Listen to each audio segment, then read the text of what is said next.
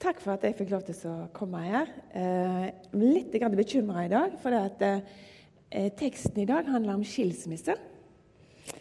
Eh, og jeg skal ikke snakke så veldig mye om skilsmisse, men det som slo meg med tekst, teksten i dag, da, det var der det står Jesus sier det at vi har så harde hjerter.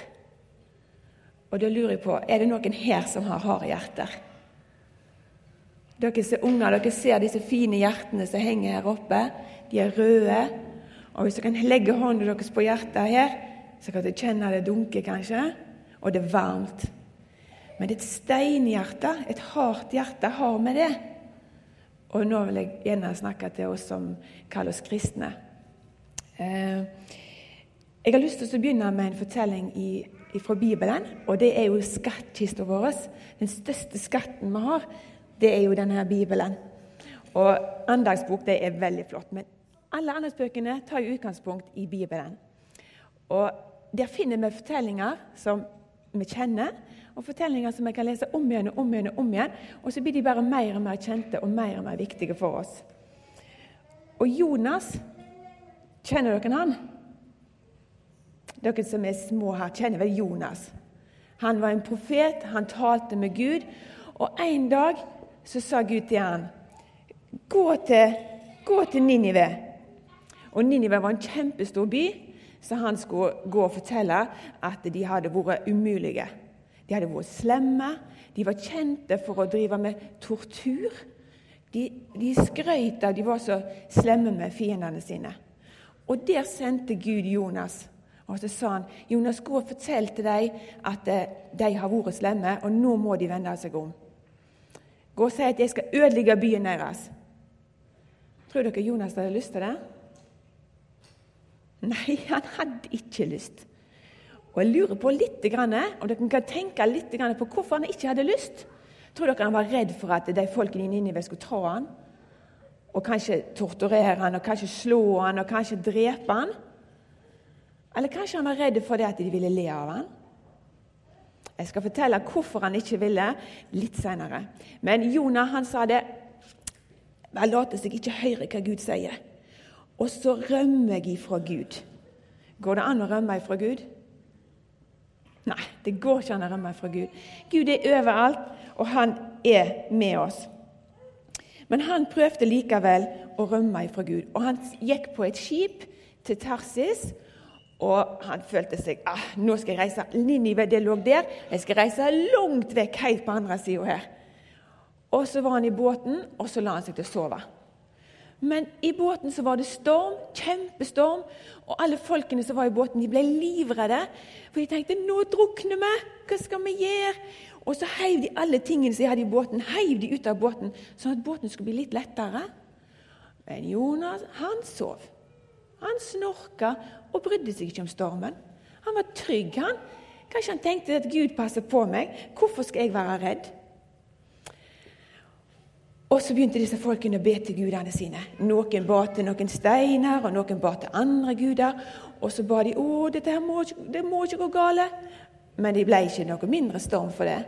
Stormen suste og ulte, og skipet ble kasta hit og dit. og Til slutt så vekte de Jonah, og så sa de, 'Hvorfor ligger du og sover?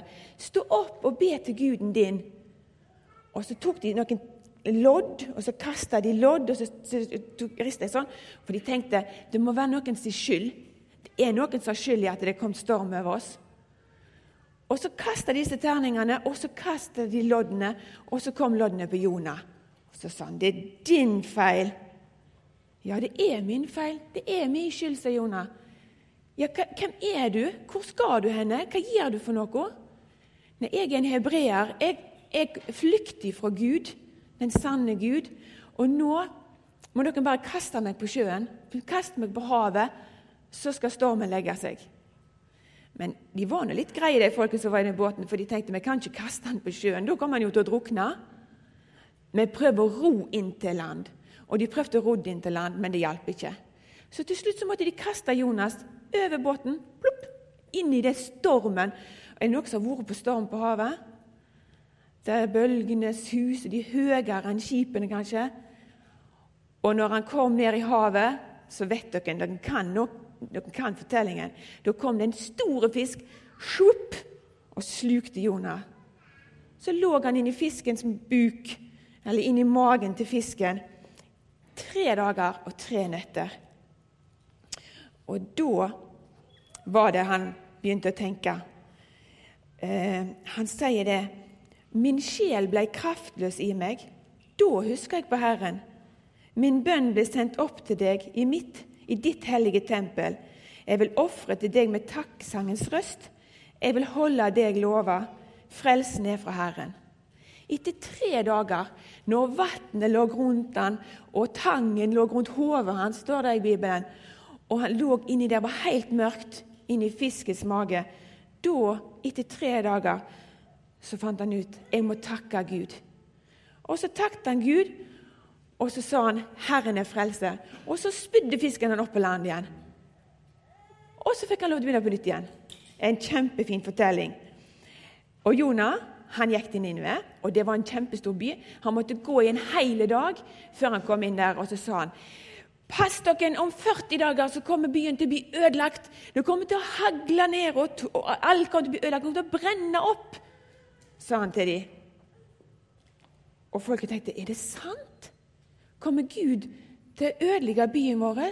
De tok av seg kledene og tok på seg sekkestrier.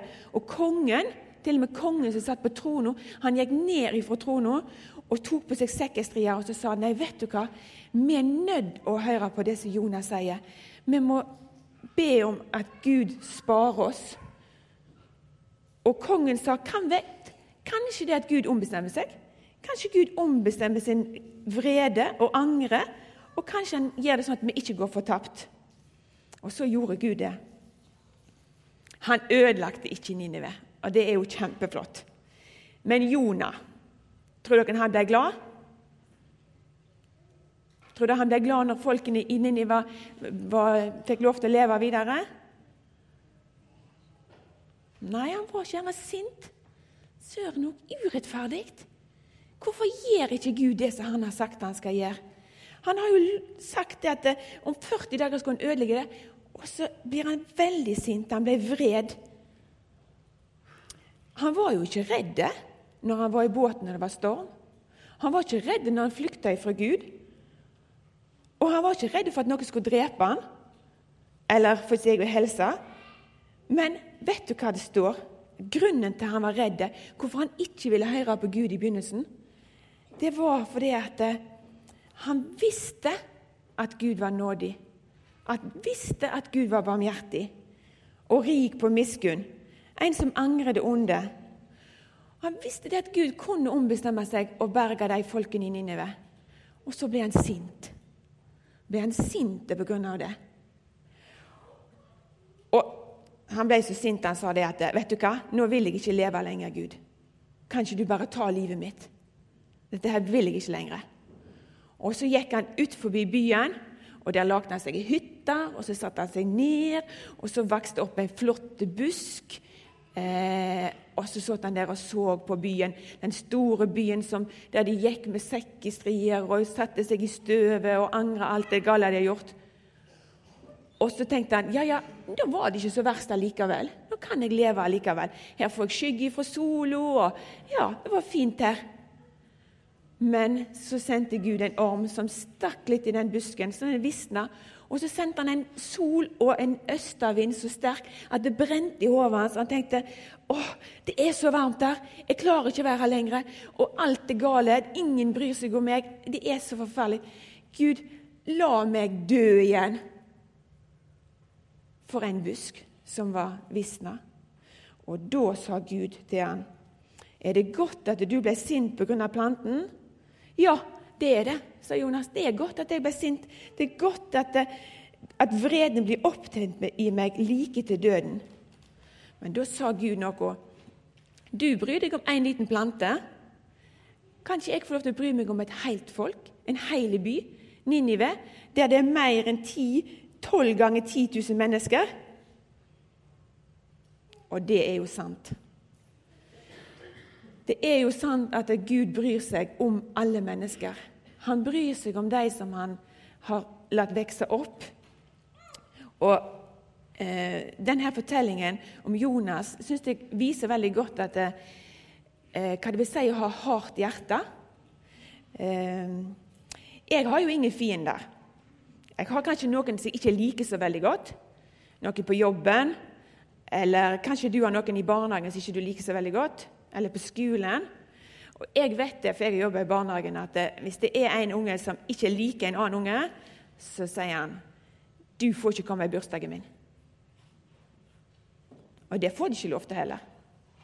Og Av og til så har jeg lyst til å si det når jeg er på jobb òg, og så opplever jeg det at noen er urettferdige med meg, og så tenker jeg jeg liker deg ikke. Jeg skal iallfall ikke sitte på sida av deg i kantina. Jeg skal iallfall ikke invitere deg i bursdagen min. Jeg vil ikke være venn med deg. Og så vender jeg meg vekk ifra dem, og så blir hjertet mitt hardt. Og jeg vil jo at det skal skje rettferdighet. Sånn som jeg mener rettferdighet. At hvis noen har slått meg, så må de bli slått igjen. Hvis noen har såra meg, så må de bli såra igjen. Det er det som er øye for øye, tann for tann. Men det er ikke det Gud mener med rettferdighet.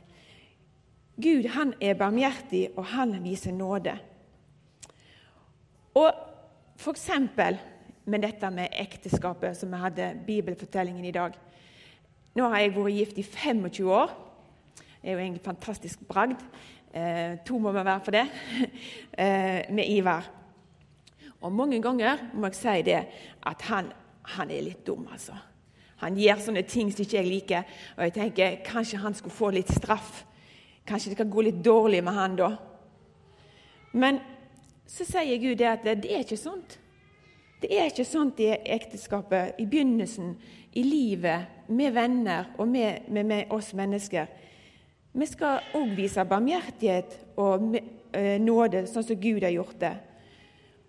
Men likevel så kan det være at jeg har vendt meg vekk ifra Gud. Eller vendt meg vekk fra kollegaene mine, eller vendt meg vekk fra ektemannen min.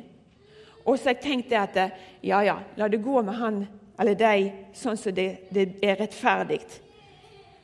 Og kanskje jeg har gått så langt og tenkt at nei, nå vil jeg ikke mer. Nå vil jeg skille meg. Og da er fortellingen om Jonas et godt eksempel. For når du da tenker på det som Jonah opplevde, når du vender deg vekk fra Gud, du vender deg vekk fra hans bibelvers, eller hans budskap til oss mennesker, hans måte å leve på, som det står om i Bibelen, så møter du stormer. Så er du i en båt, så sitter du i en båt, og så er det heldigvis folk rundt deg som spør hvem er du? Hvor kommer du fra? Der jeg kan si jeg er Margaret. Jeg er barn av Jesus. Jeg er søster til Jesus. Og Det er egentlig hovedfortellingen i denne Jonas-fortellingen. Det er når han kommer til den erkjennelsen at han er slukt av mørket. Han er slukt av, han sitter inni den buken, i magen til fisken, og begynner å takke Gud og tenker frelsen den kommer fra Herren. Da kan han få lov til å gi oss en ny sjanse og et nytt hjerte. Men sånn som vi leser om Jonas, så skjer det igjen og igjen og igjen. Han blir spytta på land, han går til Ninneve, han blir sur, og han tenker det er ikke rettferdig. Han setter seg ut forbi eh, byen og får en busk vokse opp, og det, den dør. Det er ikke rettferdig. Og sånn er vi mennesker. Og mange, fortelling, mange, fortellinger i Bibelen viser at vi gjør det om igjen og om igjen. Men mange fortellinger også viser det samme. At Gud er barmhjertig. Gud er nådig for meg og for alle. Jesus ble satt på prøve av fariserene for å se om de kunne sette ham fast eller ta ham i noe som ikke stemte. Og Jesus svarte at hjertene deres er så harde. Og et sånt var det ikke i begynnelsen. Men hvordan kan vi få hjertene våre mjuke? Vi kan jo ikke gå tilbake til paradis. Men vi har fått løftet om å få nye hjerter. En dag så skal vi få nye hjerter. Og En annen profet, som heter Esekiel, han sier det i kapittel 11, 19. Jeg gir dem et annet hjerte, og en ny ånd gir dem. Jeg tar steinhjertet ut av kroppen deres og gir dem et kjøtthjerte i stedet. Og Noen tror det at fortellingen om Jonas den er bare en historie, en lignelse. Det er ikke en ekte fortelling. Det er jo ingen som kan være inni magen på en fisk i tre dager og tre netter. Men Jesus sjøl viser til profeten Jonah når fariserene spør han om tegn. Igjen så prøver de han.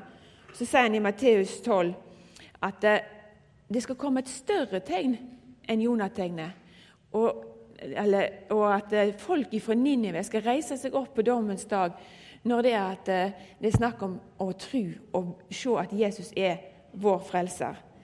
Når han sier det at det, det større tegnet er jo at Jesus sjøl har vært tre dager og tre netter i jordens buk. Og da må jeg bare si jeg tror at Jesus døde, ble begrava og sto opp igjen den tredje dagen. Og når jeg tror at Jesus gjorde det, så må jeg òg tro at Jonas har vært gjennom det. Jeg har sjøl òg opplevd det å være i mørket og langt nede, vært inni en fisk, mage til fisk. Men så heldigvis har jeg menigheten, jeg har venner. Jeg har de som er kristne og de som ikke er kristne, som ser på meg og spør meg hvem er du Hvor kommer du ifra? Og Når jeg får det spørsmålet, så må jeg vende meg til Bibelen. Og jeg kan gå til Jesus med min fortvilelse og min mørkhet, sånn at han kan gi meg en eh, ny sjanse og et nytt, nytt hjerte. Eh, Fortellingen om Jonas kan òg eh, sikkert ses på mange forskjellige måter. Men eh, det å eh, erkjenne det at eh, vi er mennesker med harde hjerter, og det eneste som kan gjøre hjertet vårt mykt, det er å ta imot Guds barmhjertighet og Guds nåde. Det er mitt budskap til dere i dag. La oss be. Kjære Jesus. Takk for at du er barmhjertig og nådig. Takk for at du kan gi oss et ny sjanse. Takk for at du kan gi oss en ny mulighet og gjøre hjertene våre mjuke. Og være med oss og styrke oss, sånn at vi slipper å komme inn i den mørkeste fordypelsen for å kunne se at vi trenger deg, Jesus. Takk for din nåde og barmhjertighet. Amen.